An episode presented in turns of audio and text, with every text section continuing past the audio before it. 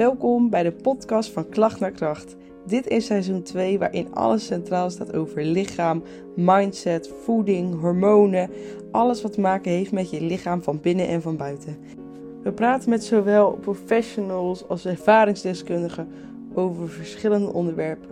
Een podcast zonder poespas, maar de echte werkelijkheid. Welkom bij de podcast van Klacht naar Kracht. Welkom bij de eerste aflevering van het nieuwe seizoen van de podcast van Klacht naar Kracht. Ik zit hier vandaag niet met één, maar met twee gasten. Uh, de eerste is Debbie, die gaat zich zo even voorstellen. En de tweede is Aurora, die je al mogelijk in het eerste seizoen hebt gehoord. En uh, die heeft toen verteld over wat zij doet bij Brinker. En uh, zij is hier een beetje als ondersteuning vanuit het moederlijk oog over het onderwerp waar we vandaag over gaan hebben. Dus uh, bij deze, Debbie, zou jij je graag voor willen stellen voor de luisteraars? Ja, zeker. Nou, ik ben Debbie van Os en ik ben um, nou ja, moeder uh, boven alles uh, van een dochter van bijna tien. En zij is onder andere de aanleiding geweest dat ik een kinderboek heb geschreven. het geheime dagboek van professor Grutjes en het Supersoepjes Mysterie. En daar gaan we het onder andere over hebben. Leuk. Nu jij, Aurora. nou, ik ben Aurora. Ik werk al 2,5 jaar voor Brinker. Ik uh, begeleid de kinderen binnen Brain En uh, ik kwam professor Gutjes tegen via Instagram. En uh, het boek kwam bij mij binnen en dat was echt in no time uit. En ik vond het echt ontzettend passend binnen onze doelgroep. Dus de stoute schoenen aangetrokken en gevraagd of Debbie misschien deel wilde nemen aan de podcast. Ja. ja. Ja, Aurora die stuurde mij een berichtje. Ik heb iemand voor je podcast. Debbie moet uitgenodigd worden. Die heeft zo'n leuk boek geschreven. Uh, Debbie, kan je wat meer vertellen voor de mensen die zeg maar, nog niets hebben gehoord van jouw boek? Uh, hoe ben je er tot gekomen? Waar gaat het een beetje over? Ja, nou ja, ik ben dus um, een aantal jaar geleden, nou ja goed, het begon eigenlijk al het moment dat ik moeder werd. Um, ik denk dat de meesten van ons dat wel herkennen als ouder zijnde, dat je op een gegeven moment bewuster naar bepaalde dingen gaat kijken, waar je eerder niet zo heel erg over nadacht in mijn geval voeding, um, moest ik ineens wat bewuster gaan nadenken over wat ga ik dat kleine hummeltje nou geven, hè, wat, uh, wat helemaal afhankelijk is van mij. En daarbij had mijn dochter ook nog eens uh, wat darmproblemen. Dus voor mij werd het nog een grotere uitdaging om te kijken van wat is er nou voor haar goed, wat is er uh, nodig om haar systeempje goed te laten werken. En wat ik merkte, ik kwam al heel snel um, nou ja, bij de huisarts, bij de kinderarts. En daar kreeg ik eigenlijk alleen maar medicijnen voor geschreven om alles op te lossen. Um, nou, en dat, ja, je bent net moeder, je weet ook niet goed wat goed is. Maar toch ergens voelde dat niet goed. Dus daar begon ook een beetje mijn zoektocht naar wat is er nou um, echt goed voor mijn kindje. En um, ja, ik had eigenlijk gewoon helemaal geen idee. Dus ik ben gaan zoeken en uiteindelijk zelfs een opleiding gaan doen tot kindervoedingscoach. om echt te leren van wat heeft dat meisje nodig. Ondertussen bleven artsen maar medicijnen voorschrijven en bleef ik maar experimenteren met voeding, want dat zijn mijn gevoel. Ik moet toch echt. ik moet iets doen. doen. Ja. Ik moet iets doen. Um, nou ja, en toen kwam die opleiding en dat was een soort uh, eye-opener. Ik dacht van ja, weet je, ik, ik, leer hier dingen die ik eigenlijk had willen leren toen ik, toen ik klein was, op de basisschool, bewijs van. Um, en dat is gewoon zo ontzettend jammer dat, uh, ja, dat die, die informatie in ieder geval mist. Dus toen werd het een soort van missie eigenlijk om die informatie aan met iedereen te delen. Ja. te maken. Ja, precies. En, en hoe, oud, hoe oud was jouw dochter toen jij uh, begon met uh, experimenteren en te onderzoeken? Nou, eigenlijk al meteen. Dus mijn dochter was uh, zes maanden oud toen ze echt problemen kreeg met... ze kreeg vaste voeding voor het eerst. Okay. Dus toen dacht ik al, hmm, misschien zou er een link zijn met voeding. Ja. Toen kreeg ze last van haar darmen. Ja, okay. dus toen begon ze ook. Wat zijn dingen die ze tegen jou hebben verteld of jij hebt geleerd binnen de opleiding waarvan je dacht, nou, dat had ik nooit geweten als ik die opleiding niet had gevolgd? Nou, ik denk zeker mensen van mijn generatie, zeg maar, dus de dertigers en veertigers, uh, die kennen Sonja Bakker. En die weten van, uh, van de jaren van nou, die diëten van je moet uh, vooral vetten mijden. En ga lekker aan de suiker en de, en de eierkoeken. Nou, suiker zijn ze niet, maar vooral aan de eierkoeken. en ga af van de vetten. En wat voor mij dus een eye-opener was, een van de eerste dingen die ik leerde. Je hebt vetten nodig. En vooral vetten nodig voor, um, nou ja, als het dan gaat om het onderwerp bij Braincare voor die hersenen. Hè? De vetten voor de groei van je hersenen, zeker in de ontwikkeling van je kind. En ik kwam dus eigenlijk al heel snel achter als ik keek naar het voedingspatroon van mijn dochter, dat zij veel te weinig vetten binnenkreeg. Ja, want dat is natuurlijk wel, ja, sowieso de laatste tijd wordt alles meer rondom uh, voeding wel belangrijker. En vooral omdat je, we worden steeds ouder en je wil inderdaad je hersenen zo gezond mogelijk houden. En ja, ik snap wel dat als jullie dat vroeger hebben aangeleerd van ah, vetten moet je mijden en uh, roomboter is bijvoorbeeld heel slecht. En misschien zit er toch iets in wat uiteindelijk voor jou wel uh, goed is, ja. Ja, zeker aan de light producten, hè, dat werd allemaal aangeprezen in die tijd. En uh, nou ja, ik ben nu inmiddels van, ga maar gewoon echt goed voor vol. Als het gezonde producten zijn, ga maar voor vol en, en niet uh, met rare andere toevoegingen. Dus uh, dat was voor mij een hele belangrijke eye-opener, ja. Oké, en wat zijn nog meer dingen die je zeg maar nu ouders mee zou willen geven van nou, dat zijn fabels. Daar hoef je niet in trappen. Nou, fabels, ik denk dat een hele belangrijke stelregel was. Uh, bepaal als ouder vooral wat je kind eet, maar niet hoeveel. Dus um, ik ben, nou ja, mijn ouders waren wat dat betreft niet zo heel erg streng. Maar ik ken wel gezinnen waarin werd gezegd, je moet je bordje leeg eten. Um, hè, dus vooral de dwang op van alsjeblieft eet genoeg groenten en je moet nog een paar happen nemen. Um, als je wat je voorzet aan je kind, als dat gewoon gezond is, laat je kind dan de hoeveelheid bepalen. En misschien wil het de ene dag die broccoli niet eten, maar de volgende dag wel. En um, zeker ook de kracht van herhaling dus. Hè? Want je moet soms tien keer iets proeven voordat je denkt, hm, nou, nou, dus ik zelf nog steeds geen broccoli, dus het is geen garantie voor succes. Maar, maar misschien een andere groente is ook oké. Okay. een andere groente is ook oké. Okay. Yeah. Nee, maar het is gewoon vooral volhouden en niet een, een, een boterham aanbieden als het zeg maar niet werkt met de groente. Dus um, blijf volhouden, blijf aanbieden en ze eten uiteindelijk echt wel. Ja. Merk jij veel dingen in voeding, Aurora, dat je denkt van nou, uh, daar betrap ik mezelf ook wel eens op dat ik denk, oh dat is niet goed voor mijn kind, maar het is wel makkelijk? Um, nou, wat mij in de afgelopen jaren, zeker ook hè, bij Braincare um, op, opgevallen is, en ook om me heen, is dat je makkelijk voor het gemak gaat. Omdat je in de alledaagse hectiek, uh, oh ik neem wel even een pakje van dat mee en een pakje van dat. En ik ben mijn eigen um, de afgelopen jaren veel bewuster geworden hoeveel suiker dat daar eigenlijk in zit. En uh, mijn dochter die is tegenwoordig, ik mag geen merken noemen, maar die is tegenwoordig helemaal verslaafd aan het fles. Nou, dat geeft een geurtje af. En ze drinkt ineens heel veel water. En um, ik denk dat ook voor de, van onze generatie, neem maar een pakje yogi mee, want uh, er zit calcium in, er zit dit in, er zit dat in, maar de suiker wordt compleet vergeten. En als ze dan overblijven, nou schoolmelk, dat soort dingen, dat is op heel veel scholen al niet meer. Ze zijn wel bewust bezig van, nou er mag geen snoepje in de snoeptrommel, liever ook geen koek. Maar ik zie toch wel dat heel veel ouders gewoon voor het gemak gaan en uh, toch een koek in de trommel stoppen en uh, dat pakje meegeven. Terwijl als, je, als ze overblijven, mij is toevallig heel erg gek op reps, een repje meegeeft, dan eet ze eigenlijk veel gebalanceerder als altijd maar die boterham met kaas. Dus dat is, daar is voor mij wel uh, ja, veel, veel meer verandering in gekomen ja, ik denk ook wel dat je als ouder er ook wel steeds meer bewust van wordt. Want als ik inderdaad kijk naar mijn opvoeding, ik kreeg ook vroeger iets wat een beetje leek op uh, vervangen van melk. Omdat wij, mijn zus en ik lusten allebei geen melk. Maar als je daar nu gaat kijken, word je eigenlijk inderdaad niet vrolijk van wat er eigenlijk allemaal in zit qua suikers. Ja, buiten alle toevoegingen. Als je kijkt naar de E100-nummers en de kleurstoffen en ja, alle toevoegingen die je eigenlijk gewoon ja, niet in horen. Je krijgt het wel allemaal binnen. En het is niet van één product, hè. het zit in alles. En um, in het boek van, uh, van Debbie staat ook zo mooi beschreven. Als er vijf producten in zitten, dan is het goed. Dus ja, ik ben daar eigenlijk zelf, eigenlijk ook door het boek, want dat wist ik eigenlijk ook niet eens, uh, ook wat meer op gaan letten. En dat is eigenlijk wel heel erg grappig. Ja. Wat is dat ja, dan, Debbie? Die inderdaad, yeah. sorry, ja, die, die minder dan vijf producten hebben, of ingrediënten hebben. En dat is echt bizar als je daarop gaat letten. Ja, ja. ja dan, dan ben je eigenlijk wel in shock in de winkel als je gaat kijken hoeveel, hoeveel bijproducten erbij zitten. Dus je moet er eigenlijk vijf hebben en dan, of meer juist?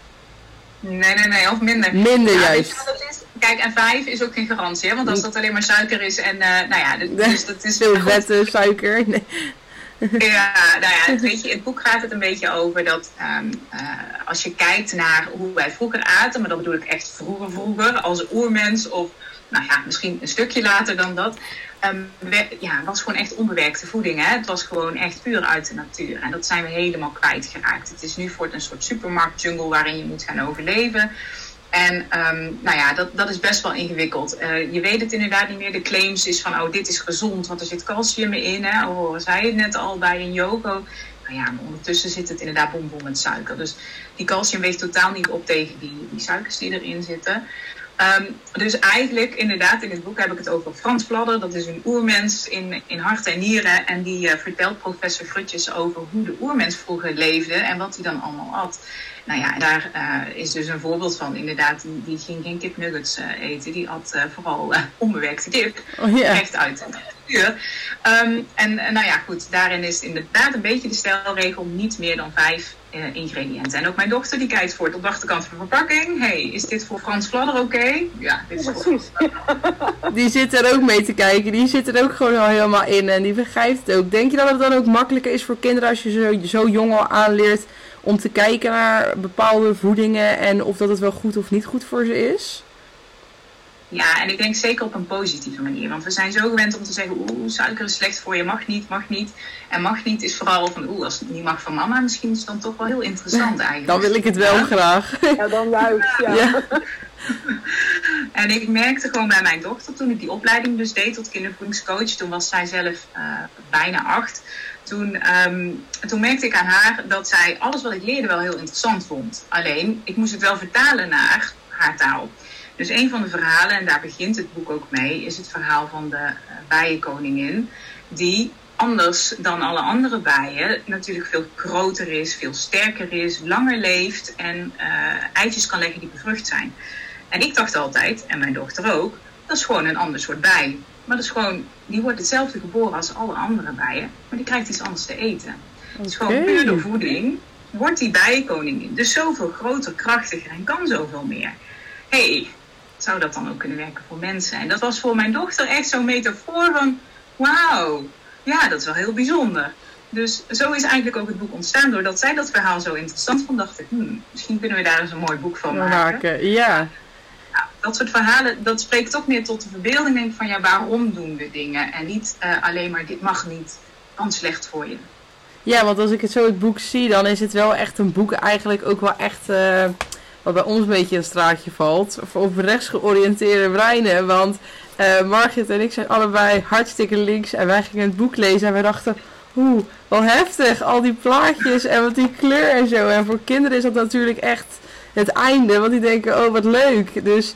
Volwassenen ook hoor. Ja, volwassenen met een rechtsgeoriënteerd brein ook. Maar daarom is het wel leuk dat het zo voor zo'n doelgroep aanspreekt die echt zo in plaatjes denkt en die alles in plaatjes voor zich ziet. Dat dat eigenlijk gewoon in een beeld is, in plaats van dat het alleen maar hele lange tekst is. Want ja, heb je dat bewust ja, gedaan? Ja, kijk, toen ik op zoek ging, toen ik die opleiding deed, merkte ik dus dat mijn dochter het interessant vond. Toen dacht ik, nou, ik wil graag een boek aan haar geven, zodat ze er zelf meer over kan leren.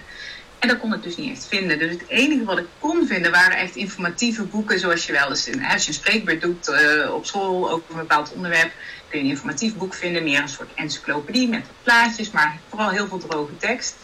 Ja, dat lees je, misschien lees je wat stukjes eruit, maar je leest zeker niet van voor tot achter het boek. En ik wilde vooral dat het hele verhaal bleef hangen in een context ook. Hè? Geen losse stukjes, maar gewoon aan elkaar samen. Het plaatje erbij, ja. De ja, verbeelding. ja. Ja. Ja, maar dat vind ik ook zo leuk op jouw Instagram eigenlijk. Want uh, dat is ook eigenlijk moet iedereen die gewoon gaan volgen. Want er komen ook, dat vind ik dan wel weer leuk. Want er komen eigenlijk, jij maakt best wel veel van die kleine plaatjes met allemaal tips erbij. Gewoon korte tips. Ik weet nog wel dat ik op jouw Instagram zat te kijken en dat ik tegen mama zei, ik zei, kijk. Ik zeg, als je kaneel ergens in doet, dan krijg je dus minder zin in suiker en zulke soort dingen. Dus het blijft wel echt hangen wat je leest. Ja, precies. Ja, ja, leuk. Ja, dat is inderdaad een beetje het idee. Ja. Dan had ik eigenlijk ook nog wel een vraag, Debbie. Uh, was je eigen bewust van, uh, dat is een beetje onze doelgroep, hè? Dat juist de manier waarop het geschreven is, het boek, en de illustraties, dat het op die manier bij beelddenkers veel beter blijft hangen, waardoor ze de informatie veel beter op, opslaan eigenlijk. Want ik weet dat mijn dochter, die heeft hem ook gelezen en uh, die heeft wel een vorm van dyslexie, dus die heeft best wel moeite met lezen je had je boek eigenlijk zo uit. En uh, alle broccoli op een roeiboot uh, hoor ik hier ook regelmatig vallen, want het is echt bij, beide blijven hangen. Maar echt het hele boek is bij haar blijven hangen. En dat, uh, ja, dat vind ik zo mooi. En zeker ook de doelgroep die wij hebben. Jouw boek staat ook prominent in, in mijn ruimte aanwezig dat de kinderen het kunnen pakken. Uh, ik vroeg me eigenlijk af of je daar ja, bewust ook mee bezig was met het uitzoeken van illustraties en het schrijven van de tekst. Ja, nou ja, ik ben zelf ook best wel een beelddenker en mijn dochter oh, ook. Kijk, dat scheelt. dan spreek je al makkelijker aan dan. Ja, zeker. Het past inderdaad ook heel erg bij mij en bij mijn dochter. Uh, daar, daar denk je vanuit natuurlijk. En ik heb het natuurlijk wel aan vriendjes en vriendinnetjes laten lezen, want elk kind is anders. Maar wat kinderen over het algemeen natuurlijk wel weer gemeenschappelijk hebben, is dat hoe meer plaatjes en vrolijke kleuren, hoe meer het toch al aanspreekt in plaats van uh, wat, wat drogere tekst. Maar inderdaad, ik ben ook echt een beelddenker, dus uh, ja. Wat leuk, ja. dat komt dan wel overeen, zeg maar. Heb je dan uh, ja. dingen die je in je boek hebt geschreven dat je denkt, nou dat zou ik echt wel als, bij ouders als tips mee willen geven van, joh, let hier meer op of besteed hier aandacht aan? Uh, nou ja, goed, het zijn die kleine tipjes inderdaad, hè, als met die ingrediënten kijken, maar ook um, uh, überhaupt het bewustzijn over die, uh, die verhoudingen. Dus dat het belangrijk is om vetten binnen te krijgen voor je hersenen, om eiwitten binnen te krijgen voor de spieren en voor je botten. Um, ik denk dat we ongemerkt met z'n allen veel te veel koolhydraten eten. Dat is gewoon, hè, dat is niet alleen suikers, maar het zit inmiddels in zoveel, zelfs als je grote zalm eet, zit er vaak suiker toe. Bijvoorbeeld kipfilet zit vaak suiker toe. Het is echt uh, bizar. En um, ja, we hebben echt een beetje een boterhammencultuur in Nederland. Dus dat maakt het nog wat meer van de koolhydraten. Dus ik denk het bewustzijn over, um, ja, nou eigenlijk wat Aurora ook al zegt, weet je wel, een keer iets anders in die broodtrommel doen. Het is ook een broodtrommel. Noem het alsjeblieft een lunchtrommel. Gooi er niet alleen maar brood in, maar andere dingen. Dat is al uh, hartstikke belangrijk, maar hou het ook leuk.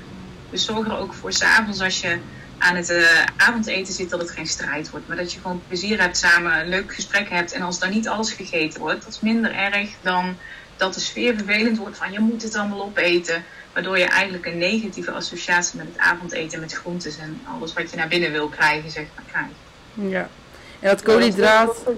Oh, ja, zeg maar. Dat, vind ik wel heel belangrijk dat je dat benoemt, inderdaad. Want uh, er zit natuurlijk vanuit ouders best wel veel druk achter. Hè? Van je moet je bord leeg eten. En wat je net zelf benoemde, van laat de kinderen dezelfde porties uh, bepalen. Want wij als volwassenen hebben daar gewoon een hele andere beleving van. En als, als een kind, wij kunnen niet voor een kind bepalen van zoveel, zoveel eet jij of zoveel kan jij op.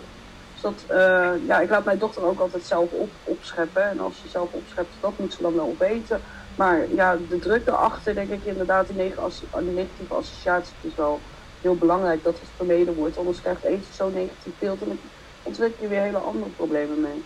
Ja, plus het leren luisteren naar je lichaam. Ik bedoel, ik denk dat heel veel volwassenen, ik zelf ook hoor, weet je, dat je gewoon een beetje kwijt bent van wat, wat, wat heb ik nou eigenlijk honger?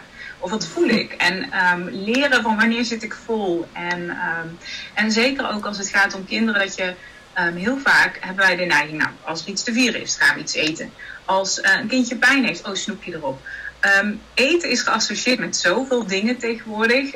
Um, niet meer alleen met een hongergevoel. En om echt puur naar een hongergevoel te gaan luisteren, is gewoon wel ontzettend belangrijk voor kinderen. En bewuster daarmee om te gaan. En ik denk dat zo'n boek daarbij kan helpen. Maar zeker ook gewoon het plezier rondom lunchen, dineren en dat soort dingen. Samen koken.